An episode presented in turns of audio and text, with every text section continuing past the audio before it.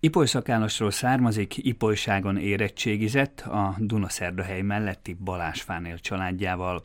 A Pozsonyi Comenius Egyetem matematika és fizika karán végzett tudományos matematikát, ahonnan a bankszektorba vezetett az útja, noha tehetséges táncos volt, sokan azt gondolták, az akkor alakuló professzionális táncegyüttes az ifjú szívek művésze lesz. De őt a banki elemzés érdekelte.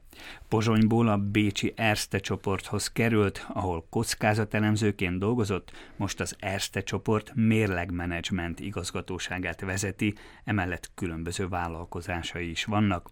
A stúdióban Sánta Attila. Köszöntelek Attila. Szervusz Norbi, és köszöntöm a hallgatókat is.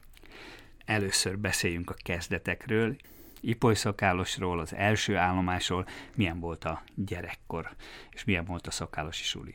Hát a gyerekkor tipikus 80-as évek vidéki csehszlovák falusi iskolája ugrik be, hatalmas focipályával. Tulajdonképpen a fociról szólt a gyerekkor, mint minden barátom akkoriban az AC Milán középpályása szerettem volna lenni én is, tehát csak szeretettel gondolok vissza Ipoly szakálosra. És a suli mennyire volt meghatározó, vagy inkább felejthető, inkább ilyen autodidakta gyerek voltál? Az iskola meghatározó volt, tehát azért a 80-as években egy Ipolyszakálosó méretű faluban, ráadásul ahol egy viszonylag nagy TS működött, a legmeghatározóbb munkáltató volt, egy 200-220 fős iskola volt. Tehát ma körülbelül ez 20-22 diák lehet Ipolyszakálloson. Tehát akkoriban az egy nagy iskola volt, meglehetősen pesgő élettel, jó volt oda járni. És mit gondoltál akkor magadról, hogy mi leszel, ha nagy leszel, azon túl, hogy az Ácsi Milán középpályása? Hát ez viszonylag gyorsan kiderült, hogy ebből nem lesz semmi, azután ez körülbelül hetenként változott. A nagymamám erősen reklámozta a papipályát, amennyit akkor értettem a cölibátus intézményéből, az már akkor is sántított, úgyhogy leginkább az újságírás, a színészet vonzott, talán azért is, mert a családban az akkori televíziós sztárokat magasztalták. Tehát mm. Kepes András, Déri János. És ez így valahogy szimpatikus volt tájékozottnak lenni a világban, értelmesen magyarul beszélni, írni. Hát mondjuk elég messze kerültél a színészettől és az újságírástól, de erre majd rátérünk, hanem inkább az érdekelne, hogy hogyan kerültél a néptánc közelébe.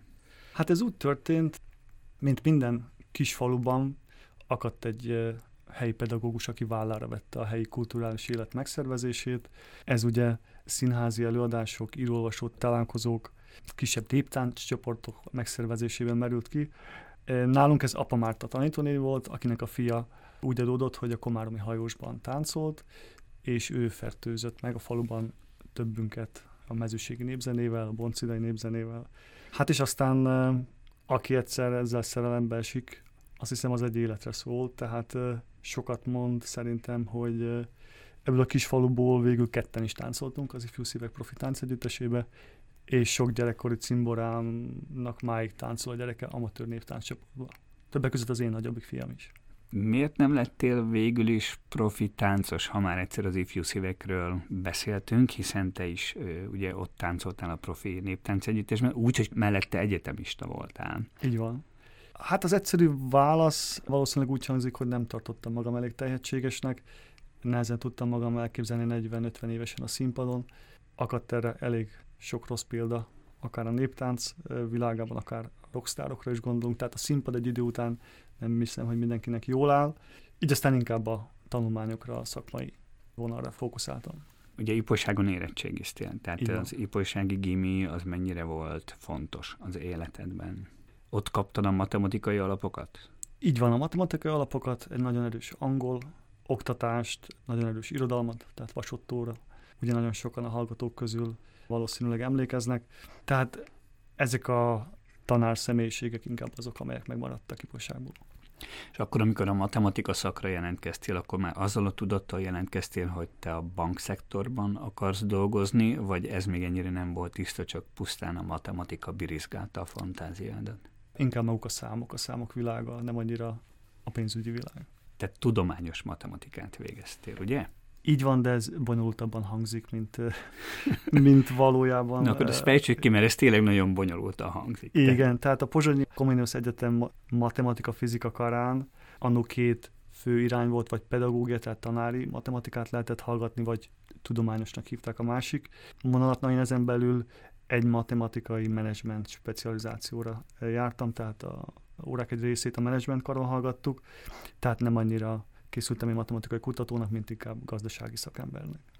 Tehát már eleve, amikor te azt mondtad, hogy matematika menedzsmenttel fogsz foglalkozni, akkor azért azt tudtad, hogy valamiféle gazdasági Így van. területen fogsz Igen. elhelyezkedni. Igen.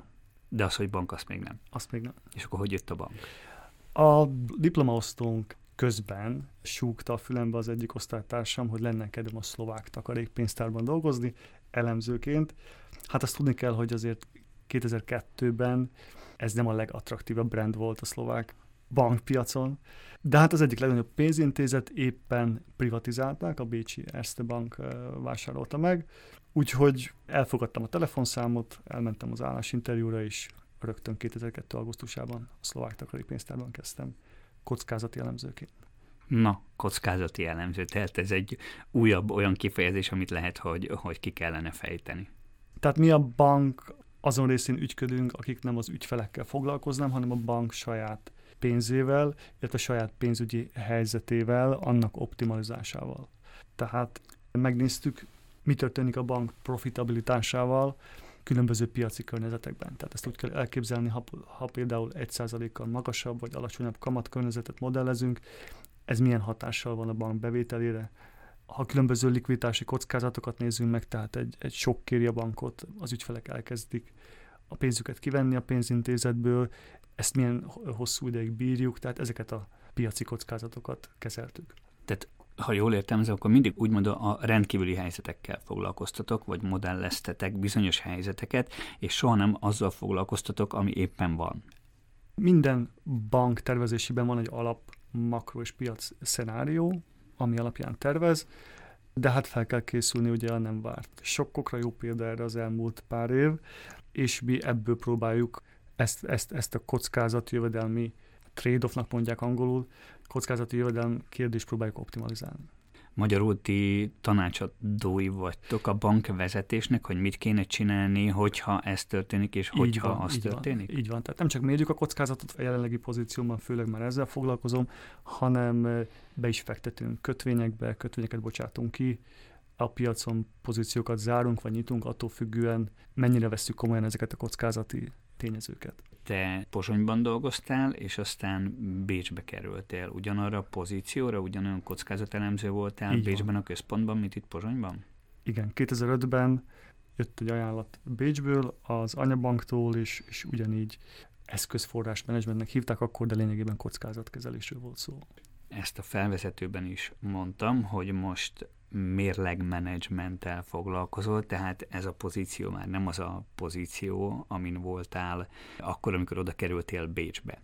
Ez a mérlegmenedzsment, ez szintén egy ilyen bűvös szó. Tehát mondjuk el, hogy mi az, hogy mérlegmenedzsment. A mi bankunk mérlege körülbelül 300 milliárd euró, a bankcsoport mérlege, tehát itt ugye az eszközoldalon főleg hitelek és kötvények állnak, és mindezt ügyfélbetétekből, illetve kibocsátott kötvényekből finanszírozzuk. Na most mi fésüljük össze ezt a több millió tranzakcióból álló mérleget, az előbb említett kockázatkezelés tartozik ide, de ugyanígy tőkemenedzsment, tehát mennyi saját tőkét kell tartani a, a pénzintézetnek ahhoz, hogy különböző felügyeleti elvárásoknak megfeleljen, illetve kockázati sokkokat kibírjon. Érkezzen az hitelkockázati oldalról, tehát bedőlt hitelek, erről beszélünk, vagy, vagy piaci kockázatok, amit az előbb érintettünk. Hát próbáltam okosan nézni közben, és úgy is értem, hogy némileg értem, de azért nem teljesen. Hogyha arra kérnének, hogy magyarázzuk el ezt úgy, hogy egy családot modellezünk, és van egy családi költségvetés, tehát akkor ebben a családi költségvetésben a te munkád, a mérlegmenedzsment, az micsoda? Nálam a szép kulcsa. Szóval nálad a kulcs, te tudod azt, hogy mennyi jön be, mennyi megy ki, és te húzod meg a vonalat, hogy most már több nem mehet ki, mert nem mert jött fel elég kell készülnünk be. rosszabb időkre is, így van. De azt is te tudod, hogy mennyi jött be egyébként. Így van, így van. Értem, tehát kedves hallgatók, most már, ha otthon ilyesmire kerül, akkor mondhatják, hogy mérlegmenedzsment. Így van. Most abból, amit elmondtál, azok alapján mondhatjuk azt, hogy te bankár vagy? Hát attól tartok, hogy igen, mivel ehhez értek, ebből élek, tehát igen, mondhatjuk, hogy bankár vagy. Ki, ki a bankár? Tehát most képzeljük el, hogy egy egyszerű ember hogy néz arra, hogy, hogy ki a bankár. Tehát, hogy az, aki nagy tapolcsányban ül a bankfiókban, és tartja a kontaktust az ügyfelekkel, ő is bankár? Így van. Tehát az ő feladata az ügyfél pénzügyi egészsége, míg az én feladatom a bank pénzügyi egészsége. De mindketten úgy gondolom, hogy bankárok vagyunk. De ezt azért kérdezem, mert hogyha azt mondjuk valakire, hogy, hogy bankár, akkor mindenkiben él egy ilyen kép, vagy legalábbis szerintem sokunkban, hogy ugye a bankár az a luxus, a fukarság, a hidegség, a könyörtelenség, tényleg ilyen a bank és környéke? Röviden válaszolva igen, de azért itt ketté kell választanunk a, az úgynevezett befektetési bankokat és a lakossági bankokat. Tehát az általad felsorolt jelzők, amelyek talán jól ismertek a Margin Call vagy Big Short című filmekből, azok inkább a befektetési bankokra jellemzőek, ezek akár a Goldman Sachs, a Morgan Stanley, JP Morgan találkozhattunk ezekkel a... Ezek is képesek bedőlni. Ezek is képesek bedőlni, ha visszaemlékezünk 2008-ra, így van.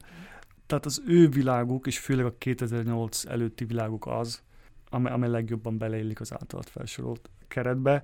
Sokat változott a befektetési bankok világa, és 2008 óta leginkább a szabályozói környezet és a politikai akaratnak köszönhetően.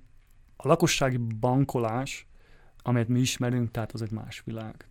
Népszerű volt ez lakossági bankárok körében a 90-es évek, 2000-es évek elején utánozni, majmolni a befektetési bankok világát, ezt a luxust, ezt a fukarságot, hidegséget, könyörtelenséget, de ez, ez ma már meglehetősen megmosolyogtató.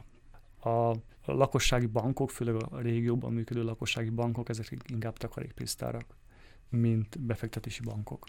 Igen, de végül is ezek a takarékpénztárak is, úgymond, ezek is azért nem csak lakossági ügyfeleik vannak, hanem cégi ügyfeleik is vannak, ahol azért nem, tudom én, 12 ezer eurós kölcsönről beszélgetünk, hanem milliókról beszélgetünk, tehát hogy ott is van azért nagyobb tét, nagyobb tétel. Így van, de ma már az a cégkultúra, amin belül ezek az üzletek megkötésre kerülnek, köszönő viszonyban sincs azzal a cégkultúrával, ami szerintem nálad ezt a kérdést elindította. Mennyiben különbözik nyugaton? Mert hogy Bécs nyugat, akárhogy is vesszük, mi, mi szeretnénk nyugathoz tartozni, egyelőre nem biztos, hogy ott tartozunk, szóval, hogy mennyire különbözik nyugaton bankárnak lenni, és nálunk bankárnak lenni. Tehát mennyiben különbözik például a, a pénzintézetek működése, a pénzügyi intézetek kultúrája?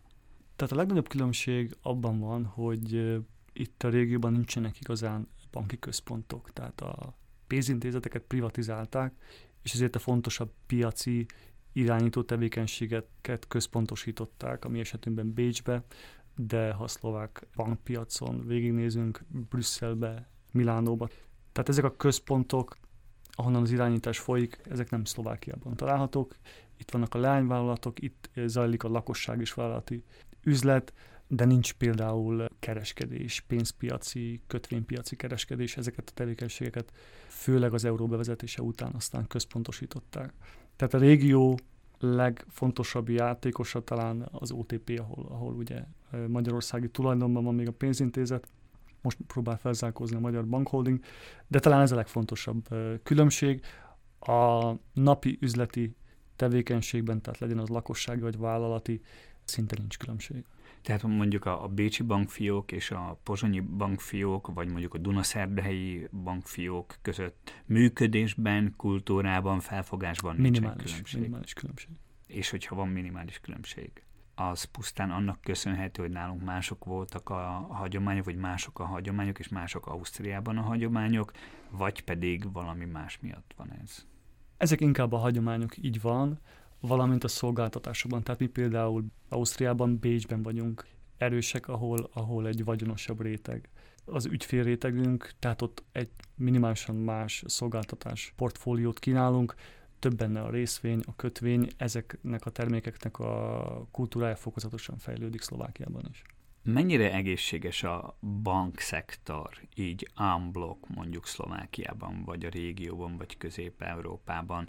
Célszok itt arra, amit te is említettél, ugye 2008-ban volt egy hatalmas válság, ugye több bank bedőlt, több közép-európai banknak is gondjai voltak, hát ugye például, ha jól tudom, az Erstinek is gondjai akadtak Sikerült-e az egész banki környezetet egészségesebbé tenni a 2008-as események után?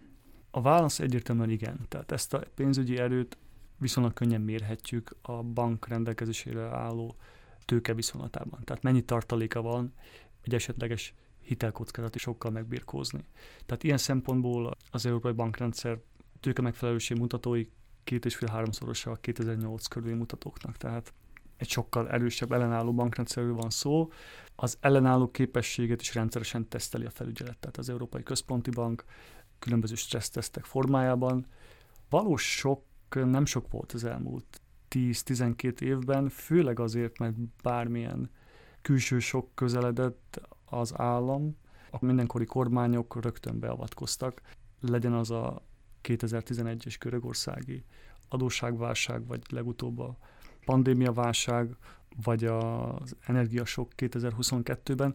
Tehát a 2008-as leckéből tanulva úgy a központi bankok, mint a, mint a kormányok csírában próbálják ezeket a sokokat elfolytani és, és beavatkozni. Néha talán a keleténél jobban is, tehát félnek a szavazói haragtól, és ezért inkább kiköltekeznek és megpróbálják elkerülni a, sokokat, de hát erről majd talán az infláció kontextusában beszélünk. Mindenképpen beszélünk, de azért lenne még egy kérdésem ehhez, hogy ugye, hogyha a szabad piacot nézzük, akkor minden állami beavatkozás úgymond káros a szabad piacra.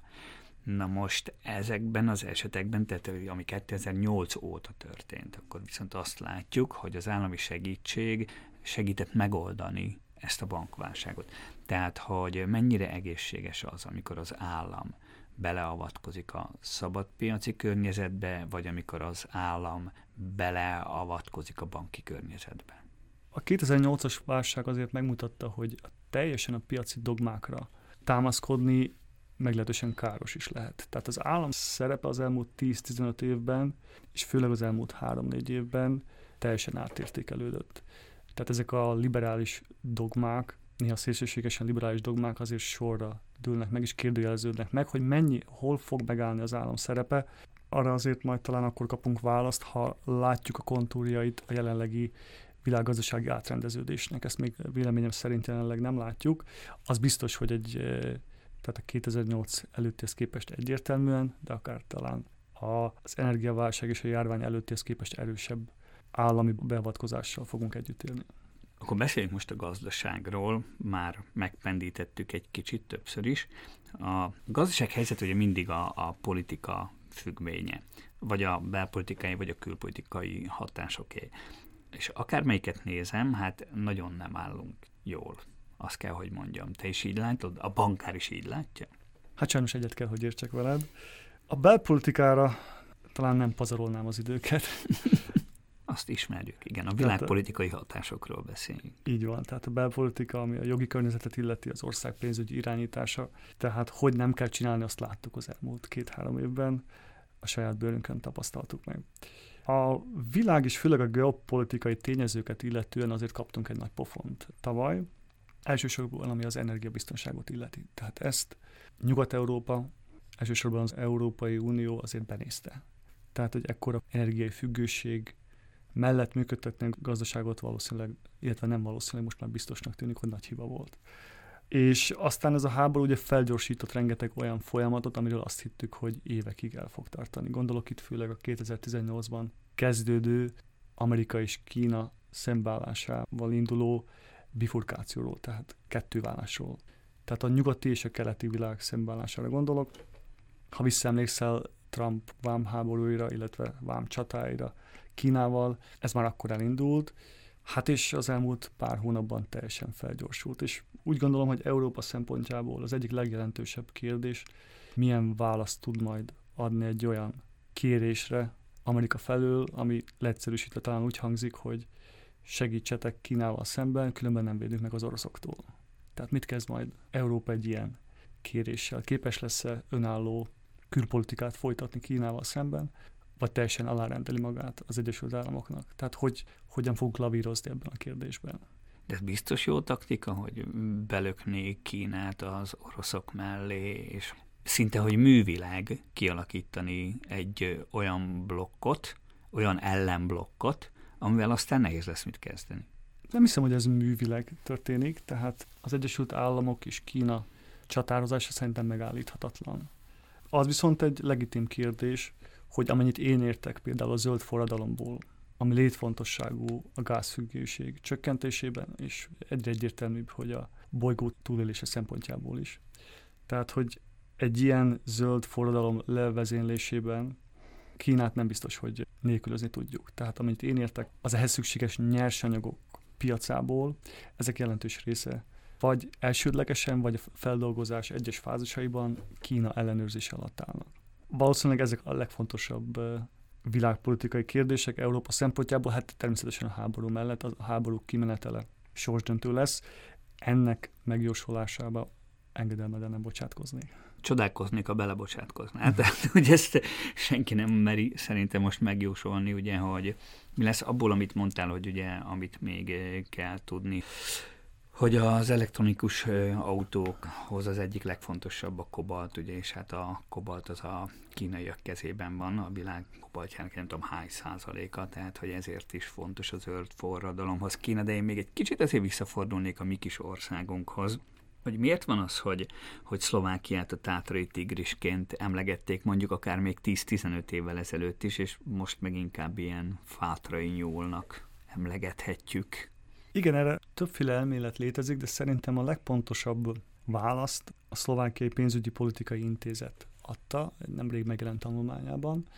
Ők egy viszonylag egyszerű kérdést vizsgáltak meg, a németországi egyfőre eső bruttó hazai összterméket vették alapul, tehát ehhez képest mekkora lemaradásunk, ez kb. 43 százalék, és mik ennek a 43 százaléknak a legfontosabb összetevői. Tehát mi okozza ezt a különbséget.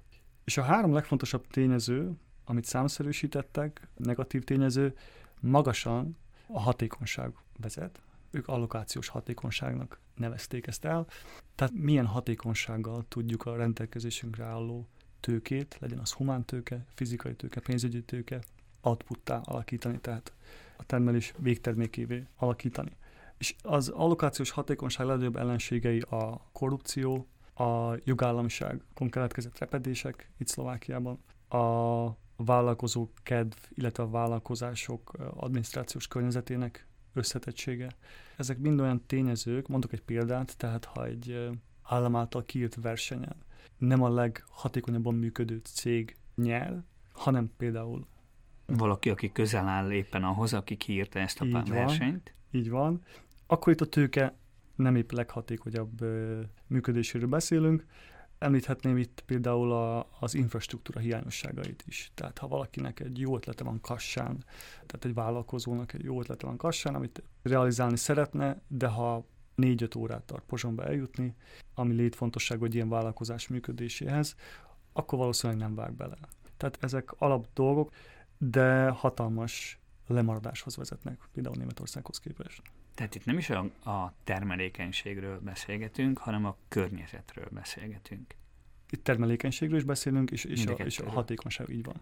Jó, de nyugati gyárak jönnek hozzánk, tehát ide hozzák a termelést, mert a termelékenység az rendben van, tehát hogy a munkások ugyanúgy dolgoznak, mint nyugaton, lehet, hogy még jobban jó, ebben nem akarok belemenni, most ki hol dolgozik jobban, vagy rosszabbul, hát mondjuk olcsóbb az itteni munkás, hát valószínűleg ezért Igen. hozzák ide.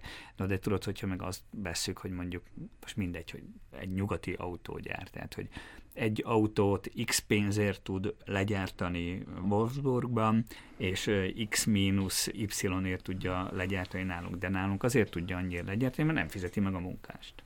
De érted, hogy akkor ezért hogy fogjuk tudta... utolérni például azt a környezetet? Ezért hozta a gyártást tíz éve, de ugye béreket illetően azért már felzárkóztunk részben, tehát a munkaerő árszintjének alacsony tartásával már nem tudjuk ide csábítani a külföldi tőkét, ezért kéne valami más nyújtani, és az egyetlen megoldás, ami számomra kínálkozik, az az innovációs környezet, tehát az innováció. Ehhez viszont erős iskolarendszer kell. Tehát ebbe, ebbe az államnak kell egy hosszú távú vízió, egy reformrendszer. Amíg ez nem történik meg, addig csak is olcsó munkaerőt, vagy környezetszennyező technológiák befogadását tudjuk kínálni. Ilyen például Magyarországon jelenleg sokat emlegetett akkumulátorgyártás. Tehát minden az iskola rendszeren múlik. Ebben a kérdésben nagyon sok múlik az iskola rendszeren. Én azt gondolom egyébként, hogy majdnem mindenben. Hát azt Igen. gondolom, hogy, hogy minden országban a legfontosabb az iskola rendszer, csak ezt a kormányok nem szeretik felismerni, mert rögtön nem hoz hasznot, tehát nem mutathatja ki azt, hogy itt megépítettem fél kilométernyi utat, ugye milyen jó gyerek vagyok, mert az iskola rendszernek a felzárkóztatása az hosszú-hosszú-hosszú évekig tart. De hagyj említsem meg itt az egészségügyet, ugyanis az előző válaszomban említett tanulmányban a második legfontosabb tényező a munkavállalók száma volt. Tehát 100 főből hányan munkaképesek, és itt is jelentősen alacsonyabb szám jött ki Szlovákiára, mint Németországra. Az egyik ok ennek az egészségügyben keresendő. Tehát, hogy egy egészségesebb társadalomban sokkal többen tudnak munkát vállalni, illetve az egyes társadalmi rétegek kirekesztésében Szlovákiában valószínűleg itt a roma lakosságról beszélhetünk ebben a kontextusban.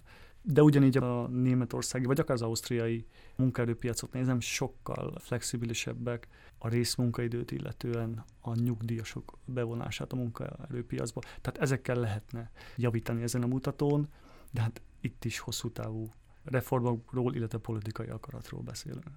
Erre majd még visszatérünk a beszélgetésünk végén, hanem még én vissza szeretnék kanyarodni a mai problémákhoz, tehát ezt is már megemlítettük, ezek az elszabadult energia árak, amelyek ugye a leginkább befolyásolják minden gazdasági szektornak a működését, sőt nem csak a gazdasági szektoroknak, hanem az ember mindennapi életét, az állam működését, és hát az emberek elszegényedéséhez is vezetnek. Tehát, hogy szerinted erre egyébként van megoldás az energia árak vágtájára? Mert azt tudjuk, hogy mik az okok. Vagy tudjuk, hogy mik az okok?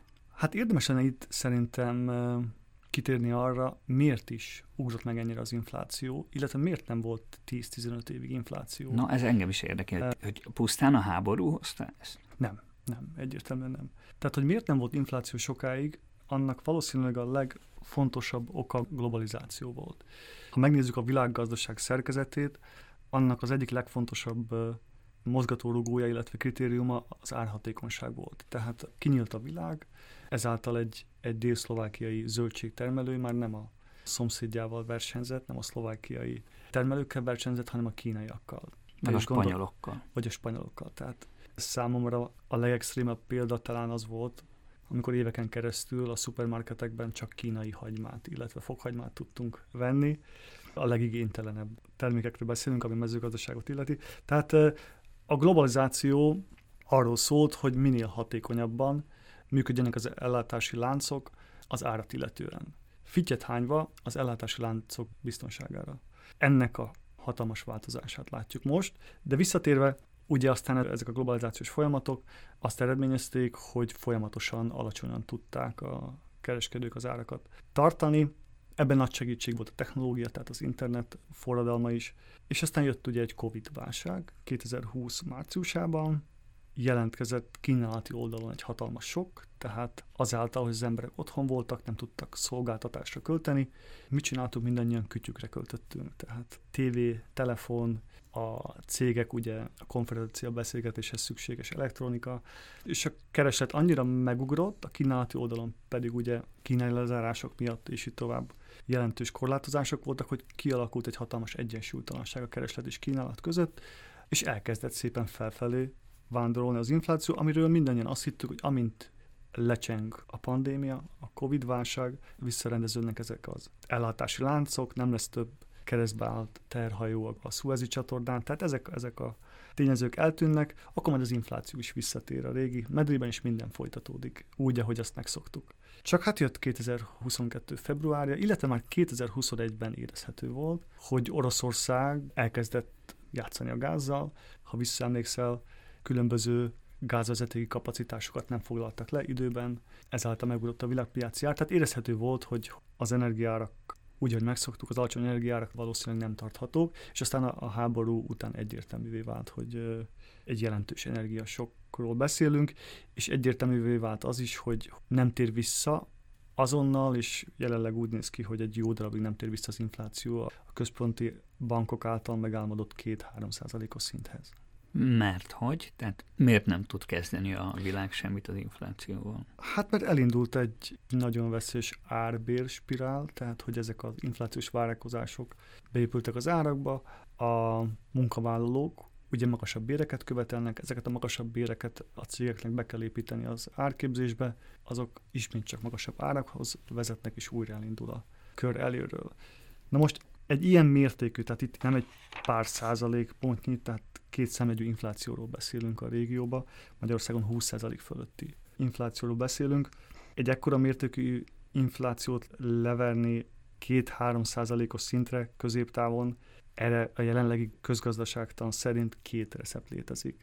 Az egyik, hogy megöljük a keresletet, tehát magas kamatszintekkel, illetve... Tehát hogy azt jelenti, hogy az emberek ne vásároljanak? Így van és ezt úgy lehet elérni, hogy vagy túl magas lesz a kamat, vagy pedig alacsonyabbak lesznek a béreik. Vagy a... elértéktelenednek a béreik. Tehát az, aki ezzel valamit kezdeni tud, azok a központi bankok, ők a bér képzésben nem nagyon tudnak beleszólni. Ez az állam kezében van, ha állami cégről beszélünk, és a magánszektor kezében.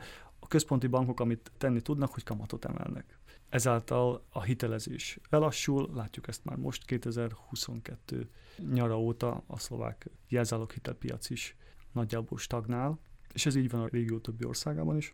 Tehát jelentősen meg, megvágjuk a keresletet, ez egy nagyon veszélyes terep egy ilyen környezetben, tehát az elmúlt két-három év bizonytalansága után most egy jelentős recessziót megkockáztatni, erre nem hiszem, hogy nagy politikai akarat lesz az Európai Unióban.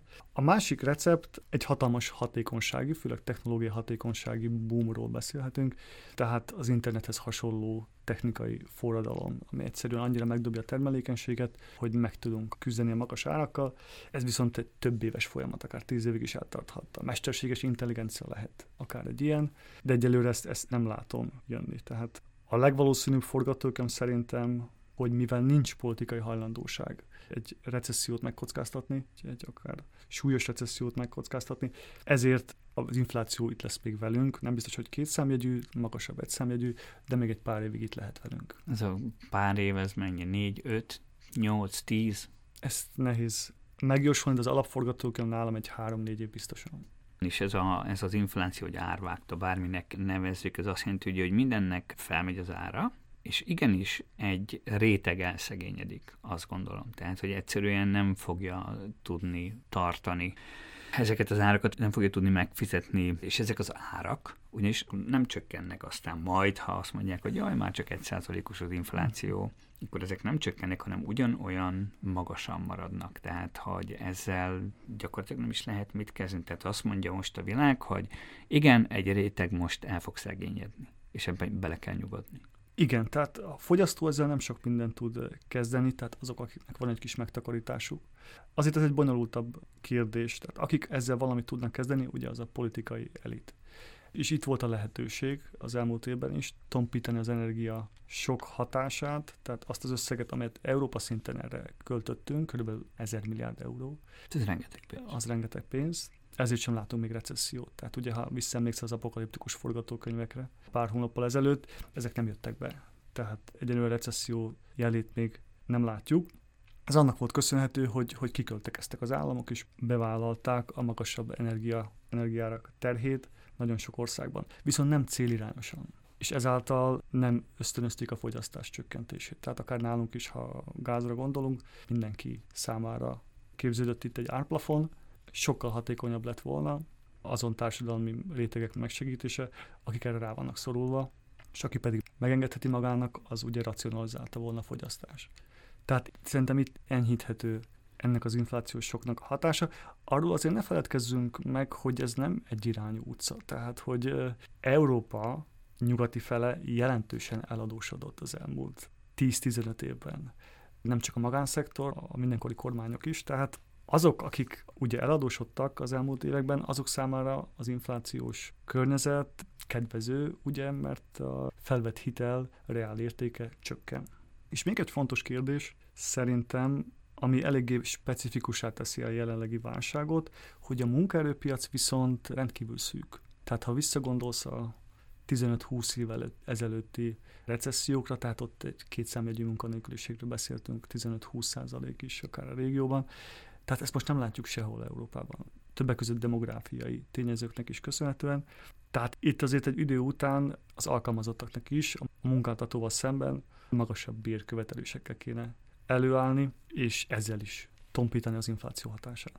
Egy háztartás szemszögéből, tehát a kiadásaink nőnek, a bevételek telő oldalon kell valamit kezdeni, illetve a fogyasztás racionalizálásával. Tehát akinek van egy kis megtakarított pénze, szerintem energiahatékonyságba fektetni mindenképpen észszerű jelenleg. Gondolok itt szigetelésre, napelemekre, kazáncserére, tehát minden, ami a fogyasztás csökkenti hosszú távon, ezt egy értelmes befektetésnek tartom. Igen, mert ugye az egyszerű ember az mindig azt gondolja, hogy mindez rajta kívül történik, és ő nem tehet semmit, és azért mégiscsak vannak itt dolgok, amiket meg lehet tenni. Így van. Tehát az előbb felsorolt dolgokon kívül talán a legfontosabb még, hogy el lehet menni választani, meg lehet hallgatni. Hogy az egyszerű ember mindig azt választja, aki a legolcsóbb és leglehetetlenebbet ígéri, amivel rajta egyébként nem segítenek, sőt, az ő sorsát még tovább nehezítik, csak nagyon jól hangzik, mert egyszerűen van elmagyarázva, egyszerűen van elmondva, úgymond. Így van. De hát amint ez szerintem az elmúlt pár percből azért kiderült, hogy nincsenek csodák. Tehát, hogy ha abban bízunk, hogy Szlovákia nyugathoz képest felzárkózik, az csak hosszú távú kemény munka árán jöhet el. A már említett oktatás, egészségügy, talán ezek a legfontosabbak. Uh-huh. Európa egyébként mindent megtett azért, hogyha ha például véget ér a háború, akkor energiabiztonság legyen a térségben? Tehát, hogy függetleníteni tudjuk magunkat jelentősen az orosz energiától? Hát Európának elsősorban improvizálnia kellett. Tehát, hogy a rendelkezésre álló idő figyelembe véve nagyon sok ország az Európai Unióban, például Csehország is nagyon sokat tett azért, hogy az oroszországi gázfüggőségtől megszabaduljon. Azért azt is látni kell, hogy ha a világ energiapiacát nézzük, mi történt, a fejlett nyugat-európai államok megvásárolták, vagy elvásárolták a cseppfolyós gázt, többek között a dél-amerikai ázsiai országok elől. Ezt nem mindenhol nézték jó szemmel, és a már említett kétpólusú világrend kialakulásában, ahol majd, majd hogy nem minden államnak majd választani kell, hogy a nyugati vagy a keleti berendezkedés szimpatikusabb, ez még visszaüthet. Illetve hát megjelent egy új vásárló a piacon, hogy a kínai nyitás, Covid nyitás egy akkora többlet energia szükségletet jelent a világpiacon, amit ma még nem látunk, hogy hogy sikerül ezzel megbirkózni. Tehát, hogy a végösszegben mekkora deficit lesz itt Európában. Itt ugye ezt befolyásolja majd, hogy milyen lesz a tavasz, a következő tél, tehát hogy a következő telet kihúzzuk-e orosz gáz nélkül. Ha már említettük az energiát, meg Oroszországot, szerinted az Oroszországra kivetett szankciók, ugye több is volt az elmúlt időszakban, ezek meghozták a gyümölcsüket, vagy tényleg igazuk van azoknak, akik azt mondják, hogy hát többet ártottak Európának, mint az oroszoknak? Itt elsősorban szerintem volt egy kommunikációs hiba az Európai Unió részéről. Tehát azt az üzenetet próbálta sugalni, hogy a szankciók majd megállítják a háborút rövid távon. Tehát én nem vagyok szakközgazdász, a szankciók szakértője, de amit én tudok, az, az, hogy mindig hosszú távon működnek. Tehát nem sok példát ismerünk, ahol rögtön jelentkeztek a gazdasági hatásai. Itt megint csak szerintem szakközgazdászok elemzéseire érdemes hivatkozni. Abból azt olvassuk ki, hogy hosszú távon közép-hosszú távon már látszik, mik azok a gyenge pontjai az orosz gazdaságnak. Ahol ez majd fájdalmas lesz, de ez majd attól is fog függni, mennyire fogja tudni ezeket a hiányokat Oroszország pótolni, akár Törökországon, Kínán vagy Indián keresztül, mennyire sikerül a szankciókat megkerülni egy közvetett szereplő segítségével, illetve az Európai Uniónak is szerintem keményebben kéne fellépni. Keveset beszélünk arról, hogy például az Oroszországból exportált, Ázsia felé exportált olaj nagy részét görögországi teherszállító hajók szállítják Ázsiába. Tehát görög oligarchák tulajdonában álló terhajók, ezzel semmit sem kezd az Európai Unió. Tehát ez egy több ismeretlenes egyenlet. Én jelenleg úgy látom, hogy rövid középtávon nem, de hosszú távon károsítják, jelentősen károsítják az orosz gazdaságot. Hát pedig ugye a cél az volt, hogy azonnal károsítsák, tehát az, hogy hosszú távon károsítsák, az nem volt cél. Vagy legalábbis azt gondolom, hogy nem az a cél, az a lényeg, hogy most azonnal megérezzék azt, és emiatt esetleg jobb belátásra térjenek, hogy ne háborúzzanak. Így van. Tehát itt, itt rövid távon a jobb belátásra való térítés volt a cél. Aki kicsit is ismeri Oroszországot, főleg az orosz vidéket, azért az tudhatta, hogy ők sokat elbírnak.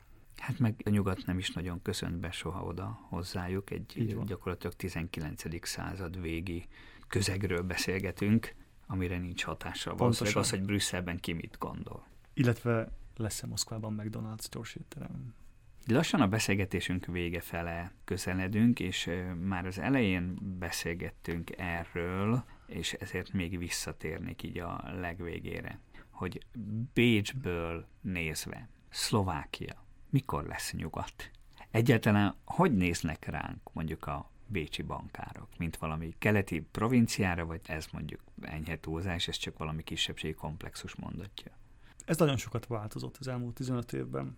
Azt azért látni kell, hogy Bécshez legközelebb Pozsony áll, és van egy ilyen téves kép Szlovákiáról, akár a kollégáim körében is, hogy Szlovákia az Pozsony. Tehát én mindig bátorítom őket, ugye az én munkáltatóm, az Erste csoportért a szlovák takarékpénztár vidéken is nagyon erős. Mindig bátorítom őket, hogy látogassanak el akár Ipolyságra, Párkányba, és nézzenek végig pár órát az ottani bankfiúk életéből, sokkal többet értenének az országból ez sokat változott. Ami a nyugati felzárkózást illeti, ez is egy bonyolultabb kérdés, mint az egyfőre eső GDP különbség csökkentése. Tehát itt, itt akkora hátrányból indultunk a 90-es évek elején, és nem biztos, hogy a privatizációval mindent jól csináltuk. Itt keveset beszélünk például a hazai tőkéről, aminek kérdésében Csehország és Lengyelország sokkal jobban áll. Tehát a, itt, itt a vagyonról beszélünk. Tehát a, a GDP az mindig egy, mindig egy jövedelmi mérőszám, Mondok egy példát. Tehát ha mindketten építünk egy házat minden évben, de az enyém az év végén összedől, mert például mocsára építettem, és ezt öt éven keresztül csináljuk, akkor minden évben a GDP-nk ugyanolyan lesz. Egy ház. De az ötödik év végén neked nem marad semmi, még neked lesz öt házad. Tehát minden évben egy házi GDP-t termeltünk, te is és én is, viszont az öt év végén neked maradt öt házad, nekem nincs semmi. Tehát GDP tekintetében ugyanott állunk, viszont a vagyon nálad megmaradt, tehát ezek, ezek a házakat például bérbe tudod adni. Tehát itt, itt nagyon fontos a, a hazai tőke és a vagyon kérdése. Itt Csehország, Lengyelország sokkal jobban, Ausztriáról nem is beszélve, Szlovákiahoz képest. Magyarország is nagyon, nagyon gyenge ebben. Tehát nagyon kevés az erős hazai cég, akik nem az államból, hanem export tevékenységből élnek. Ezek egy 21. századi modern gazdaság szempontjából végtelenül fontosak jelentős egyensúlyt jelenthetnek a mindenkori kormányjal szemben, illetve féket és egyensúlyt.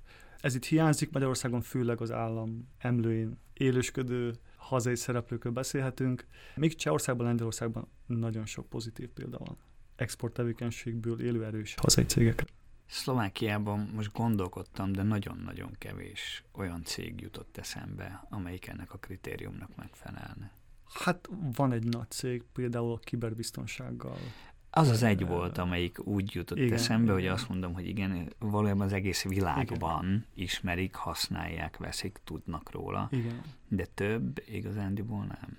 Reméljük egy pár év múlva azért többet tudunk majd felsorolni. Magyarországon ilyen például Richter. De hát Csehországban kapásból többet fel tudnánk sorolni. Akár. Ezek, ezek nagyon-nagyon fontosak, és ha nyugati felzárkózásról beszélünk, erről se feledkezzünk meg. Na akkor még egy utolsó előtti kérdés, hogy mikor lesznek olyan fizetéseink, hogy olyan életszínvonalunk legyen, mint nyugaton. De ha most azt mondod, hogy először meg kell várnunk azt, hogy az iskolarendszert megreformáljuk, meg felelős kormányaink legyenek, meg én nem tudom én micsoda, és hogy akkor ez egy 30 év, 40 év, 50 év, hát akkor nagyon szomorú leszek. Attól tartok, más válaszaim nem lesznek. Fel lehet ezt gyorsítani, ez csak politikai akarat kérdése. De amint már említettem, ebben a kérdésben nem látok kerülő utat. Tehát amíg ezt a munkát nem végezzük el, jelentős változásban nem bízhatunk. Legvégére kicsit off-topic kérdés, és megint visszakanyarodunk szinte a legelejére. Mikor elégedett egy bankár? Hát a szűkebben értelmezzük a kérdést, szakmailag mikor elégedett egy bankár, hogyha segített az ügyfele pénzügyi egészségének javításában, és mindezért az ügyfél hajlandó fizetni is. Tehát nagyjából így foglalnám össze.